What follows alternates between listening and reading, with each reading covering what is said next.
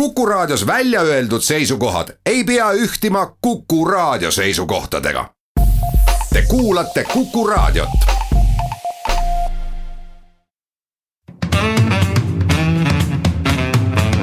muuli ja Riikoja tere päevast, head kuulajad, kell on kohe kaheksa minutit üle üheteistkümneni ja et on reedene päev, siis loomulikult ka saate Muuli ja Riikoja aeg. Kalle Muuli ja Hindrek Riik on stuudios. tere päevast. alustame tänast saadet äh, segamini eelarvest äh, rääkides ja ka peaminister Jüri Ratase nii-öelda ettepanekust Eesti maksusüsteemi reformida teiseks räägime äh, erakondade rahastamise järelevalve komisjoni otsusest, mis mis siis ilmselt lõpetas menetluse EKRE ja Isamaa asjus, keda siis kahtlustati varjatud rahastamises. komisjon tuvastas, et äh, Isamaa on saanud odavamalt telereklaami ja EKRE trükireklaami, aga mingit otsest, otsest rikkumist äh, ei tehtud kindlaks. räägime kindlasti sellest, kes tahab totaalset sõda, Postimehe peatoimetaja Peeter Helme, üks kommentaar pealkirjaga, kas te tahate totaalset sõda, on harjumatult eh, rohkelt tähelepanu sellel nädalal pälvinud. neljandaks üks üldrahvalikuks tõenäoliselt kujunev teema, eh, nii nagu meil alkoholi puhul ikka. see on miskipärast see teema nii hirmsasti erutab inimesi, Tallinn on siis, Tallinna linnavalitsus on siis taotlemas eh, alkoholiseaduse muudatusi sel kombel, et lühendada õhtuti või öösiti baarides alkoholimüügi aega. ja teiseks äh, suurendada seda vahemaad, mis peab siis alkoholipoe ja lasteasutuse vahel olema. ja saate lõpetuseks räägime, no ma arvan, et maailma kõige keerulisemast vaidlusest, see puudutab Vaidu tuuleparki.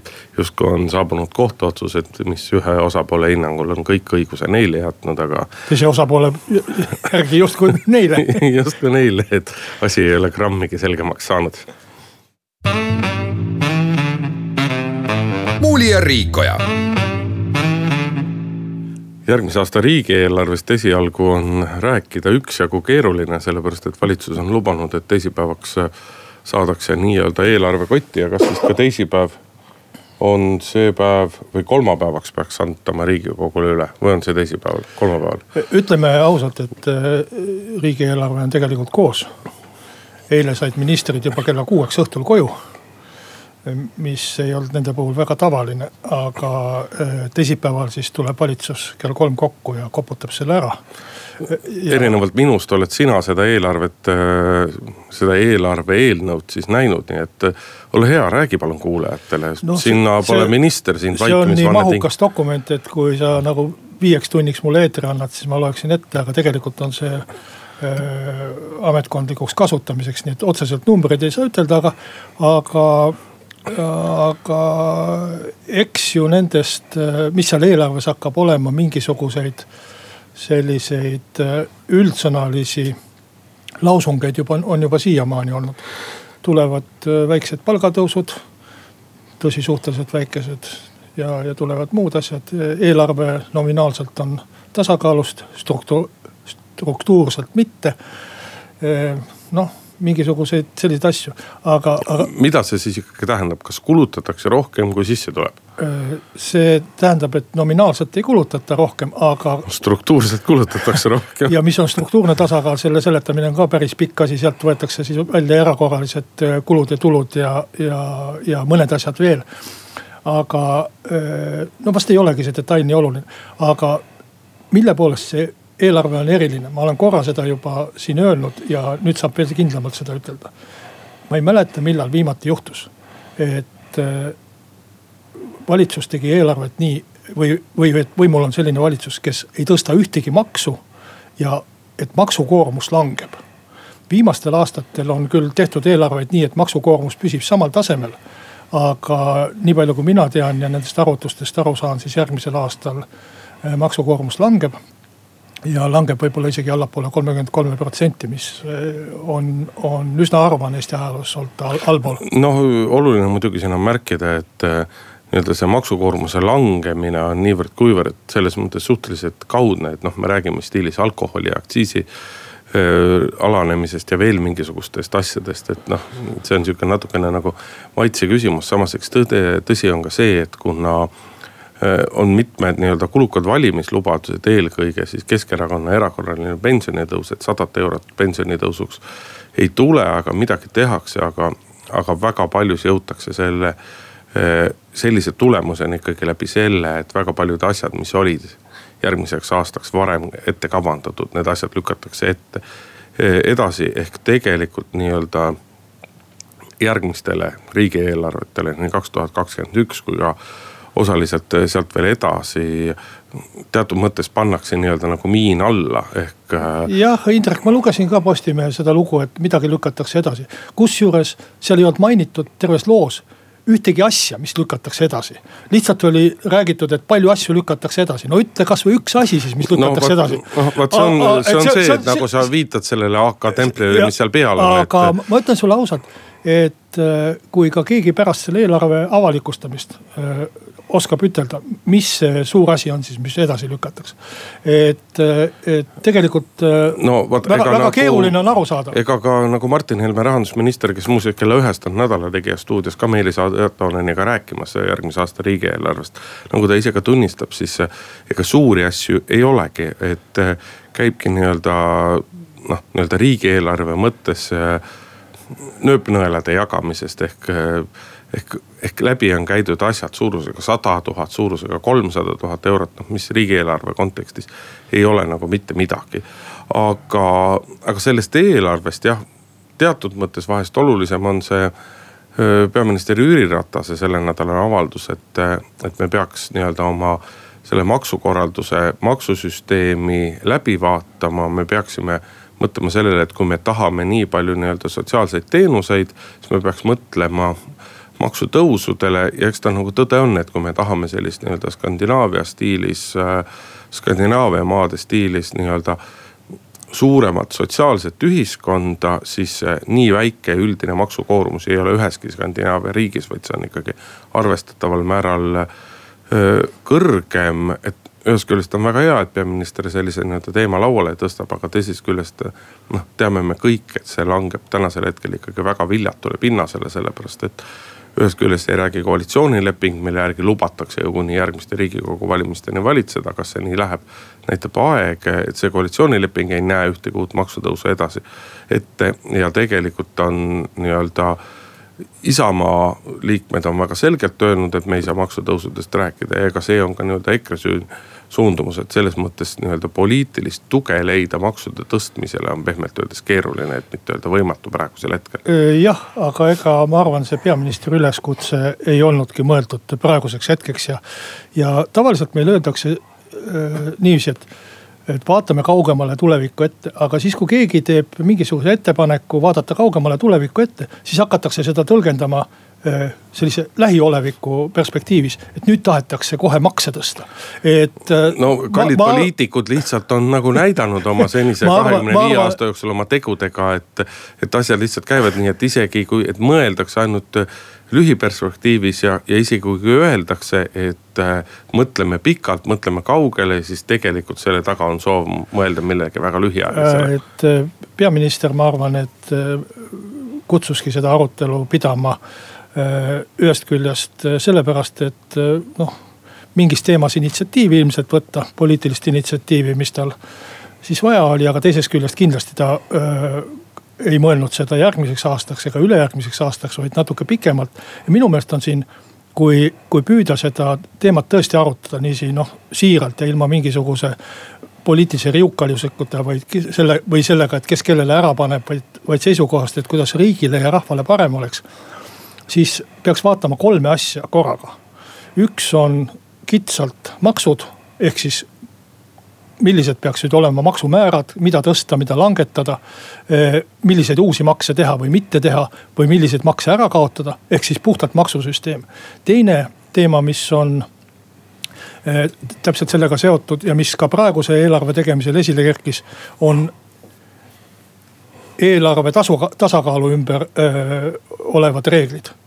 Kas eelarve võib olla miinuses või ta peab olema nullis või plussis. kui palju me võime laenu võtta, kui palju me võime, ma ei tea, PPP-d ehk seda eraettevõtetega koos mingeid asju teha.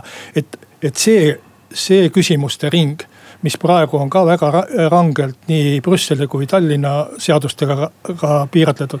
et seda, selle üle arutada ja kolmas teema on see, mida sa ka mainisid on see siis, et milliseid avalikke teenuseid me tahame. kas me tahame, et bussiliiklus oleks tasuta, kas me tahame, et ülikoolid oleks tasuta, kas me tahame, et lasteaiad oleks tasuta. või vastupidi, et kas me tahame, et, et igal pool oleks perearstid või me ei taha seda. et need, need on kolm asja, mida tuleks nagu koos arutada ja kui see vaidlus läheb lihtsalt selle peale, et kas tõsta kaks protsenti ühte maksu või teist maksu, siis see ei ole see arutelu, mida Eesti vajab. ma olen sinuga. me, me, see, see, need, need kolm sammast see läheb ilusti pensionireformiga kokku, eks ju, kolm sammast, millest ma rääkisin, need on tegelikult see, mille üle peaks tegelikult Eesti tulevik tuleviku arutelu käima.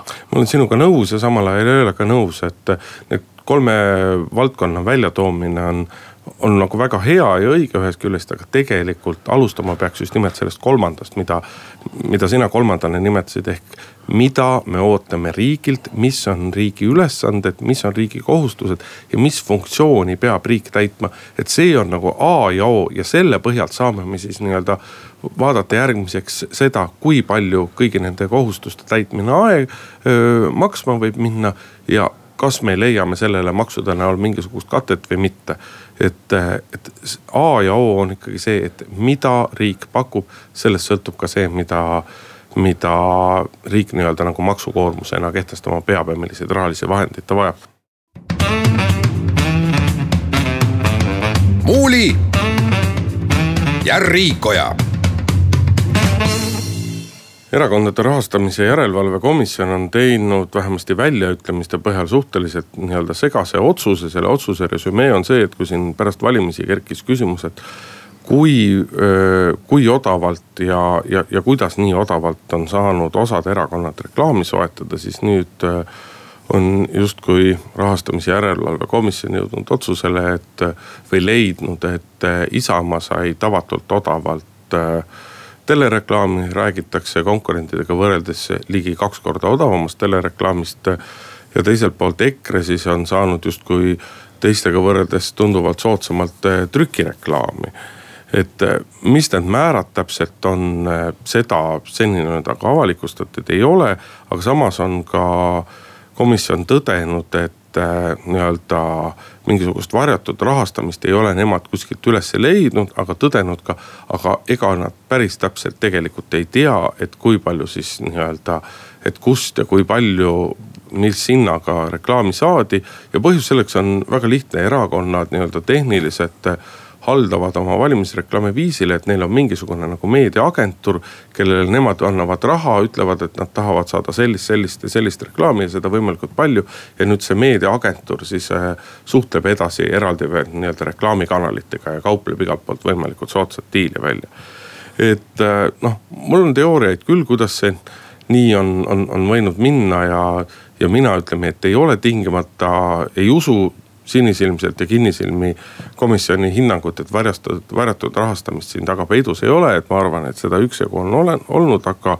aga mind nagu selles mõttes paneb hoopis rohkem mõtlema see, et erakondade rahastamise järelevalve komisjon on oma, oma loomult ju tegelikult äh, eneseregulatsiooni organ äh, tal ei ole nii-öelda mingisuguseid õigusi viia läbi kriminaaluurimist või, või midagi sellist, et kui on tarvis tõsiselt uurida, ta peab pöörama, pöörduma politsei poole. et kui poliitikud on, äh, kui riigikogu on astunud sellise sammu, et on kutsunud kokku sellise organi ja iga parlamendierakond on sealt sinna nii-öelda suunanud, äh, saatnud äh, oma esindaja. et võib-olla siis peaks riigi tasemel mõtlema sellele, et, et komisjoni volitusi laiendama et see, mida komisjon uurib ja mida ta selgeks teeb, et see nagu oleks, et see oleks ka tõepoolest nagu selgem, et. et kui te tegelete eneseregulatsiooniga, tegelege siis sellega nii-öelda põhjalikult ja las see organ tegeleb põhjalikult. noh, seda on äh, raske järg-, äh, ette kujutada, et mis need volitused siis oleks. et kas ta võib siis telefone pealt kuulata või ta võib äh, salajast jälgimist korraldada või, või mis see oleks ja, ja kuidas need tõendid siis nagu. see on rääkimise ja arutelu Kuida... küsimusel, mis on need nii-öelda kõige efektiivsemad viisid, et noh, selles samas tege, praeguses olukorras. asi, asi on mõeldud niiviisi, et kui öö, öö, komisjonil, järelevalvekomisjonil on kahtlusi, et on tõsiseid põhjendatud kahtlusi, et on tegemist äh, äh, varjatud rahastamisega. siis mõeldud on see nii, et siis ta teeb avalduse prokuratuuri, algatatakse uurimine ja, ja need uurijad, kes ongi mõeldud asju uurima ja, ja kohtusse viima, teevad selle töö siis ära. et äh, sinna komisjoni juurde panna oma uurijaid, kes hakkaksid siis äh, ülekuulamisi läbi viima. ma ei pea silmas ülekuulamisi, aga just nimelt see nii-öelda need algmaterjalid äh, paberid, dokumendid erinevatest asutustest, erinevatest aga, ettevõtetest aga.... Nende nii-öelda sissenõudmisõigused võiksid olla nagu suuremad, just nimelt selles mõttes, et kui te reguleerite iseennast, et, et reguleerige siis korralikult, mitte ainult moe pärast ja, ja tagage võimalused ka nii-öelda. aga tal on õigus, õigus kõiki dokumente küsida ja tegelikult need erakonnad minu teada ka andsid need dokumendid, mida küsitakse, vähemalt Isamaa andis. aga noh. aga samas osad erakonnad on teatanud, et nemad ei anna. ma, ma täiendavat infot ja asju. ma ei, nad annavad ainult seda, mis seaduses ette nähtud on, neid dokumente, et mida, mida sul ei ole, neid sa ei saa ju anda ka ja, ja sa ei lähe ju küsima mingist telejaamast, ei lähe era, erakond küsima mingeid dokumente, et sealt peab ikka erakondade rahastamise järelevalve komisjon ise küsima. aga ma ei ole näinud seda komisjoni otsust ja ma tegelikult ei tea, mis seal täpselt kirjas on. et kodulehekülje peal neil ei ole, ma olen lugenud ainult komisjoni esimehe või peaks ütlema esi, esinaise Liisa Oviiri. Äh, ta on ikka naisterahvas. juttu äh, selle kohta ja, ja selles mõttes ma, ma täpselt ei tea, mida nad seal tuvastasid ja, ja millised need hinnad olid ja, ja, ja kas see on üldse nagu nagu tõsine asi, et ma arvan, et kui see oleks tõsine asi, siis nad pöörduksid äh, uurijate poole, prokuratuuri. küll aga on seal lause, et me esitame aruande põhiseaduskomisjonile. ma ei tea, mis aruannet sinna esitatakse, nad ei ole aruandekohustused põhi, põhiseaduskomisjoni ees. aga võimalik, et komisjon tahabki mingit seadusesätet muuta. Loen ma sellest välja, et kui põhiseaduskomisjon peaks sellega tegelema. et kui neil on tõesti volitusi puudu lihtsalt mingite dokumentide nõudmiseks või asjaks, siis ma arvan, et seda tuleks tõsiselt kaaluda, et neile neid volitusi juurde anda. et selge see, et kõikide erakondade huvides, vähemalt parlamendi erakondade huvides on see, et komisjon jõuaks ise lõplikule tõene. muuli ja Riikoja. Jätkame saadet stuudios Indrek Riikoja ja Kalle Muuli. no harva juhtub, kui me äh, räägime ühe teemana lihtsalt ühest arvamusartiklist, aga sel nädalal on juba palju räägitud Postimehe peatoimetaja Peeter Helme äh, arvamusartiklist, kas te tahate totaalset sõda. Äh, kus ta siis ütleb umbes seda, et, et eh, EKRE vastased on muutunud EKRE sarnasteks ja ajal, kui EKRE eh, muutub üha viisakamaks. no ma nüüd võib-olla natukene utreerin seda sõnastust. võib juhtuda, et need, kes tema vastu on nii hirmsasti võidelnud, muutuvad üha metsikumateks ja üha, üha sellisteks agressiivsemateks. et et see arvamusartikkel põhjustas äh, noh, sellise tohutu äh, ärrituse laviini nende inimeste silmis siis, kes või seas, kes siis on EKRE vastu protesteerinud ja, ja kes käisid ka eelmisel laupäeval Hirve pargis protesteerimas ja mille peale Peeter Helme üldse selle arvamusartikli kirjutas. ja, ja Helmet on siis ja Postimeest tervikuna on juba sildistatud EKRE väljaandeks vanasti püüti teda sildistada küll Isamaa väljaandeks, nii et ma olen veidi, veidi armukade. jah, ja ennem seda veel oli see ju põline Reformierakonna kants. absoluutselt, et, et selline oleks siis see faktoloogia või selline ülevaade teemast, noh harva siis midagi. jah, no aus on öelda, eks ole, et Postimees on ju nii-öelda Postimees on meie, sellepärast et Kuku raadio, nii raadio Kuku raadio kui ka ajaleht Postimees äh, kuuluvad äh, Postimees Gruppi, et. ma ei tea, kas see jutt on muidugi käinud ainult sellest artiklist, et kui me sellele artiklini, esmalt sellest artiklist räägime, siis ütleme, et noh, mina erinevalt Peetrist võib-olla oleks ennast väljendanud pisut teistmoodi ja oleksin nii-öelda kontsentreerunud rohkem sellele ühele nii-öelda juhtmõttele ja, ja, ja, ja sellest, et see on nii, et meil nii-öelda avalikult vaidlevad omavahel või, või kellele meeldib öelda, kaklevad omavahel nii-öelda äärmused. et sellele oleme meiegi siin saates ju tähelepanu juhtinud, et, et nagu sellist nii-öelda normaalset ja arukat diskussiooni ei olegi ja jutt sellest, et kumbki äärmus omale nagu mingisugust paralleelreaalsust loob, eks ole. kes uute uudiste või jumal teab mis portaalidega ja kes siis äh, vastukaaluks mingite teiste vahenditega, et see kõik on ju ka täiesti tõsi ja täpselt, täpselt nii see ongi ja ja, ja kui tekib ka olukord, kus äh, Peeter Herme kirjutab artikli, et ühed mustad mõlemad, öeldes mõlema kohta suhteliselt nagu halvasti. et siis äh, ilmselgelt nii-öelda üks pool reageerib sellele kohe sellisena, et, et vot kui sa meie kohta natuke midagi halba öeldud, siis sa oled järelikult selles teises leeris, et see nagu. see on asja nagu üks pool, teine pool, ega siin väga palju on äh, ka muidugi olnud kogu selles vaidluses ja tegelikult, kui mõelda ka sellele teisipäeva õhtusele esimese stuudiosaatele, siis äh, et kui, kui aastaid olid niimoodi, et äh, erinevate meediaväljaannete nii-öelda äripooled ja reklaamimüügi pooled nagu kaklesid omavahel ja. sest et käis selline eluterve konkurents, siis toimetused on reeglina nagu läbi saa-, omavahel nagu läbi saanud, sest et tegutsetakse ju ühel maastikul, loomulikult ei ole seda, et vahetatakse infot ja antakse nii-öelda oma allikaid teistele välja. aga et ei ole sellist avalikku kaklemist, siis praegusel hetkel see on selgelt nii-öelda nagu vastupidine ja, ja, ja, ja eriti, mis puudutab äh, Päevalehte ja Delfit, siis on nii-öelda nagu võetud see põhimõtteline hoiak, et iga asja eest tuleb hääle konkurendile piltlikult öeldes nagu vastu hambaid anda, et siin on kas nagu see dimensioon olemas.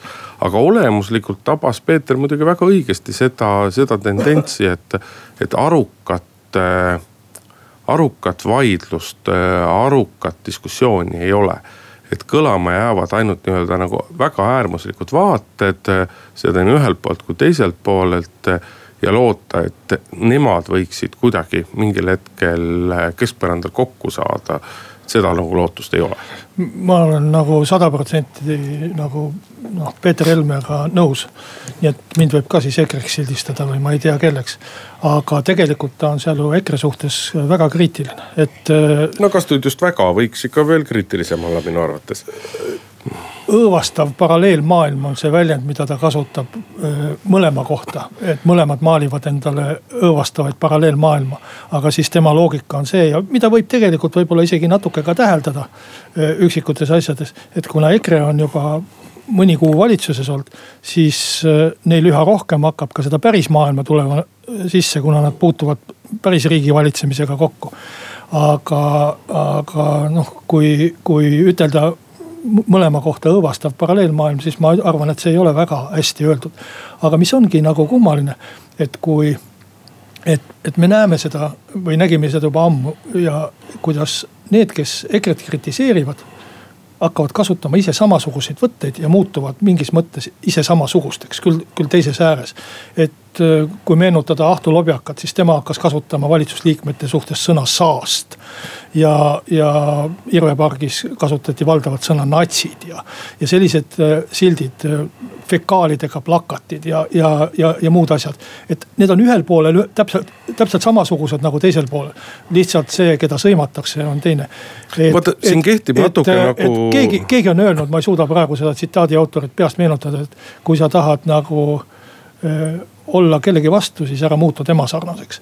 et see on, see oleks nagu kõige suurem karistus sellele, kelle vastu sa oled, et, et sa ei muutu tema sarnaseks. ja, ja noh ma arvan et, et kaheksakümmend protsenti Eesti inimesi on, kes ei muutu kummagi äärmuse sarnaseks. oota, me võime ajaloos, minu arust kehtib praegusel hetkel nagu see põhimõte, et kui me nii-öelda vaatame mitte väga kaugele aega tagasi, siis äh, kui oli äh, kui oli kooseluseaduse vastu, vastuvõtmine riigikogus, siis äh, mina ka siinsamas raadios ütlesin ja, ja paljude inimestega rääkisin ka seda, et. et ma ei ole olemuslikult kooseluseaduse ja tema mõtte vastu, pigem ma olen selle poolt, aga kindlasti olen ma kehtiva toonasel hetkel nii-öelda menetluses oleva kooseluseaduse vastu.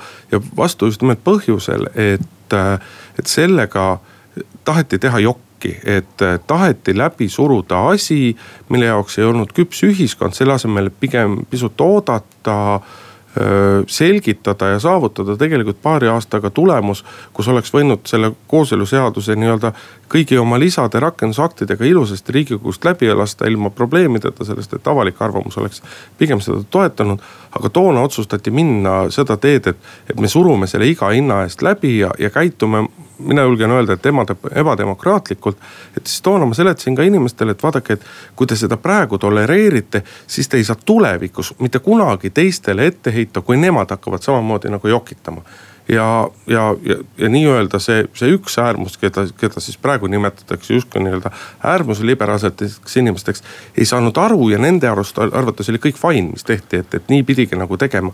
aga nüüd, kui nende vastu ka nii-öelda teine pool kasutab samasuguseid meetodeid, siis siis on kisa lahti ja heide ja, ja on suured etteheited, et teil ei ole moraalset ette, õigust mingisuguseid etteheiteid teha, sellepärast et siis oli see teie jaoks fine, järelikult peab see kõikidele ülejäänud kordadel olema fine et see võtmesõna on ikkagi see, et, et äärmustest, mõlemad pooled peavad äärmustest välja tulema. kõik ei suuda sealt äärmusest välja tulla, aga, aga asjalik arutelu ja nii-öelda edasiviiv arutelu saab ikkagi kehtida kuskil keskel, mitte ei saa ei paremal ääres või vasakpoole ääres, ei põhja poole ääres või lõuna poole ääres. no kui nüüd rääkida natuke ka sellest äh, ajakirjanduse taustast, kuna noh, Peeter Helme esindab ikkagi Postimeest, tahab ta või ei taha siis äh, ma arvan, et äh, see, et peatoimetajad ja ajakirjandusväljaanded püüavad üksteist mingitesse nišidesse suruda. et see on tingitud ikkagi rahapuudusest. ma mäletan, et selline asi oli viimati siis, kui ma olin Eesti Päevalehe peatoimetaja, see oli möödunud sajandi lõpul ja võib-olla ka selle sajandi algul. kus Vene majanduskriis ja mingisugused muud asjad tegid ajalehtede Äh, rahalise olukorra väga halvaks ja, ja siis me surusime Eesti Päevaleht ja Postimees teineteist vastavalt siis Tartusse ja Tallinnasse, kuhu me liigitasime. püüdes ka üksteiselt niiviisi turgu ära lõigata, aga ma arvan, et see, et, et äh, nüüd lehed püüavad näidata, et üks on EKRE ajaleht või Isamaa ajaleht ja teine on sotsiaaldemokraatide väljaanne. Äh, isegi kui seal on mingisugust faktilist alust natukene ma ei tea, ajakirjanike endi eluhoiaku tõttu või, või, või mis iganes. kuhu nad tööle on sattunud ja, ja kus, kui palju mingisuguste vaadetega inimesi on. et, et ega see ei tule kellelegi ajakirjandusturul kasu, kasuks lõpuks hakata niiviisi üksteist kunstlikult kuskil, kuskile nišidesse pressima ja, ja selliseid silte külge kleepima, et see on selle väljaanne, see on selle väljaanne. et turg on väike ja, ja keegi ei võida sellest mitte midagi, tegelikult kõik nagu kaotavad, et vähemalt minu kogemus äh, vanadest aegadest on selline, sellepärast ma. Äh, ei, aga sinu vanade aegade kogemused kehtivadki ja kui Urmo ja, Solman. ja, ja ma, ma soovitaksin Urmole, et see tegelikult noh, see, see kindlasti kahjustab Postimeest, mis sa teed ja selles mõttes sulle tundub see maru hea. aga see kahjustab tegelikult sind ennast ka. ja et sa ei, et äh, Delfi või Päevaleht ei võida sellest, sellest asjast mitte midagi ja kui siis sealsamas telesaateski Urmo ütles, et eh, kuidas ikkagi kõik peaksid, kõik ajalehed üheskoos peaksid võitlema selle eest, et ajakirjanduse usaldusväärsus oleks kõrge ja nii edasi. siis sellise nii-öelda suhteliselt põhjendamatu saagimisega, et ei aita küll ise mitte kuidagi sellele kaasa. ja seda on nagu kahju kõrvalt vaadata, sellepärast et viimased noh, viis-kuus aastat, kui see nagu eriti aktiivselt käinud on nii-öelda selline sõda lehtede vahel. noh, me numbritest ju näeme, et, et sisuliselt ei ole sellest äh, ei ole keegi võitnud, ei ole keegi kaotanud ka, et Päevalehe ja Postimehe nii-öelda vahekord on ikka selline, nagu ta on olnud, tiraažid kui lugejate numbritelt, et, et see ei vii nagu kedagi edasi. ta kahandab ajakirjanduse kui terviku usaldusväärsust ja selle tõttu kaotavad kõik natukene. muuli ja Riikoja Läheme saatega edasi, Kalle Muuli, Hindrek Riik jätkuvalt stuudios ja Tallinna linnapea Mihhail Kõlvart eh, tuli sellel nädalal välja ikkagi, ma julgen öelda, et suhteliselt jõulise väljaütlemisega selle kohta, et alkoholimüüki Tallinnas tuleks täiendavalt piirata.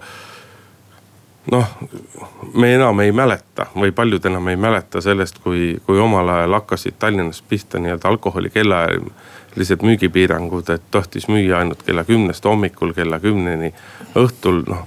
see oli ikkagi noh, riik oli kukku, kokku kukkumas, kui avaliku nii-öelda reaktsiooni vaadata inimeste põhiõigusi piirati nii räigelt, et oh see ERM, täna me ei kujutaks keegi nagu teistmoodi ette. ausalt öeldes noh, mina isiklikult ei ole ka kunagi seda kisa nagu selle ümber mõistnud, et. Et sellest ei juhtu küll mitte midagi, et sa kakskümmend neli tundi ööpäevas ei saa õlut osta või, või, või viina osta. aga nüüdsed Kõlvarti ettepanekud puudutavad eelkõige noh, nimetame neid siis peamiselt meelelahutusasutusteks ehk äh, seal ongi kaks nii-öelda vaala, et üks küsimus on selles, kui kaua tohib kõrtsides ja baarides õlut müüa, sellepärast et väga paljudes noh, nii Tallinn-Tartu, aga eelkõige kesklinna kõrtside puhul on see häda, et ümberkaudsed elanikud kurdavad selle pideva kisa ja melu puhul äh, pärast, mis kõrtside ümber toimub, sest et me ei tohi unustada ka seda, et kõrtsides suitsetamine on ära keelatud ehk äh, tihtipeale nii-öelda kõrtsi ukse ees käib äh, sama suur melu või kohati veel suuremgi melu, kui käib kõrtsis sees. ja teine pool on siis äh, see, et kui kaugel võiksid alkoholi müüvad äh, asutused või baarid asuda lasteasutustest ehk siis koolidest ja lasteaedadest. ja mõlemad ettepanekud on ju sellised, et noh mõtleme nüüd, mõtleme nüüd ise, et baaride müügipiirangust on räägitud, tegemist on alles nii-öelda mõtete, mitte konkreetsete eelnõude või ettepanekutega, et et vastu tööpäeva tohiks müüa kella kaheni öösel alkoholi baaris ja vastu puhkepäeva kella kolmeni öösel. et noh, ja, ja mis siis on, kui sellised piirangud kehtivad, et äh, ei, mõista kuidagi vastu vaielda. kuigi kui hakata nüüd mõtlema, et kui tõsiselt lõikasid sotsid endale näppu sellega, kui nad läksid alkoholiaktsiisi kallale, siis äh, ei tea, kas siin on samasugune miin peidus või mitte äh lahutaks kaks teemat ära, kõigepealt see koolide ja alkoholipoe kaugus, mis praegu seaduse järgi on viiskümmend meetrit ja mida Kõlvart siis soovis saja viiekümne peale nihutada. et selle kohta ma ütleks küll niiviisi, et, et kui ma hakkan mõtlema, siis minu koduaeda minu krundi peale mahuks ära korraga nii alkoholipood kui kool, kui nad ise väga palju ruumi ei võtaks, et viiskümmend meetrit on seal öö, vahet küll. hea suur koduaed see ei ole Nõmme kohta mingisugune selline supersuur, et selline enam-vähem.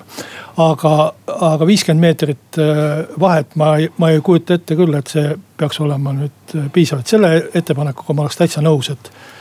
et päris kooli ukse ees ei peaks äh, alkoholi müüma või, või, või baari asutama.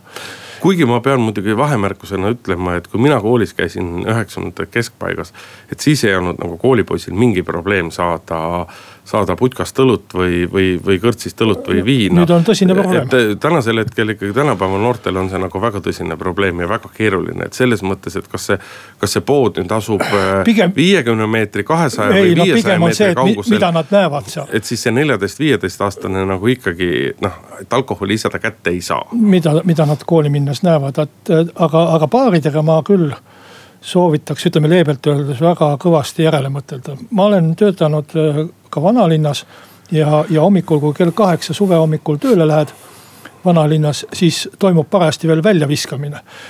Et, et viimaseid kliente siis nagu juhatatakse uksest välja, kukuvad sinna tänava peale ja siis sa laveerid sealt mööda ja lähed vanalinnast tööle. et see olukord niiviisi visuaalsel vaatlusel tundub päris jube olevat. aga see veel ei tähenda, äh, et et, peaks nagu kellaajaliselt hakkama keelama, et me kogu aeg püüame nagu midagi keelata, midagi kärpida, et muidu. no aga me pürgime selle Põhjamaade heaeluühiskonna poole. ja, ja ma olen olnud Gotlandi saarel äh, äh, ja püüdnud suvisel puhkuse ajal kolm päeva järjest leida tervelt Gotlandi saarelt kohta, kust saaks ühe pudeli veini kaasa osta puhkuse tähistamiseks. ja, ja vist kulus kaks või kolm päeva aega, juhtus nädalavahetus olema. ja kus on alkoholipiirangud sellised, et inimene võib hulluks minna enne, enne kui sealt pudeli veini või õlut kätte saab. jube kahjuga inimene muidugi pudeli veini pärast peab hulluks minema, ei saa. ei, ma mõtlen selle kättesaamise pärast, mitte no,, mitte veini pärast. isegi selle pärast ikka on kahju. aga et ma arvan, et see, see ühiskond ka ei peaks selline olema, et aga hakata piirama kellaajaliselt, kõigepealt võiks mõtelda, et äkki täidaks neid seadusi, mis juba on kehtestatud. et üks ja väga oluline seadus, mis on kehtestatud, et purjus inimesele ei või alkoholi müüa.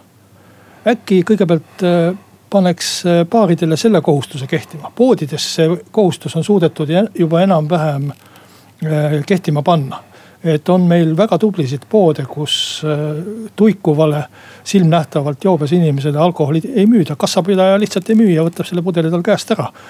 kutsub vajaduse korral turvamehe ka.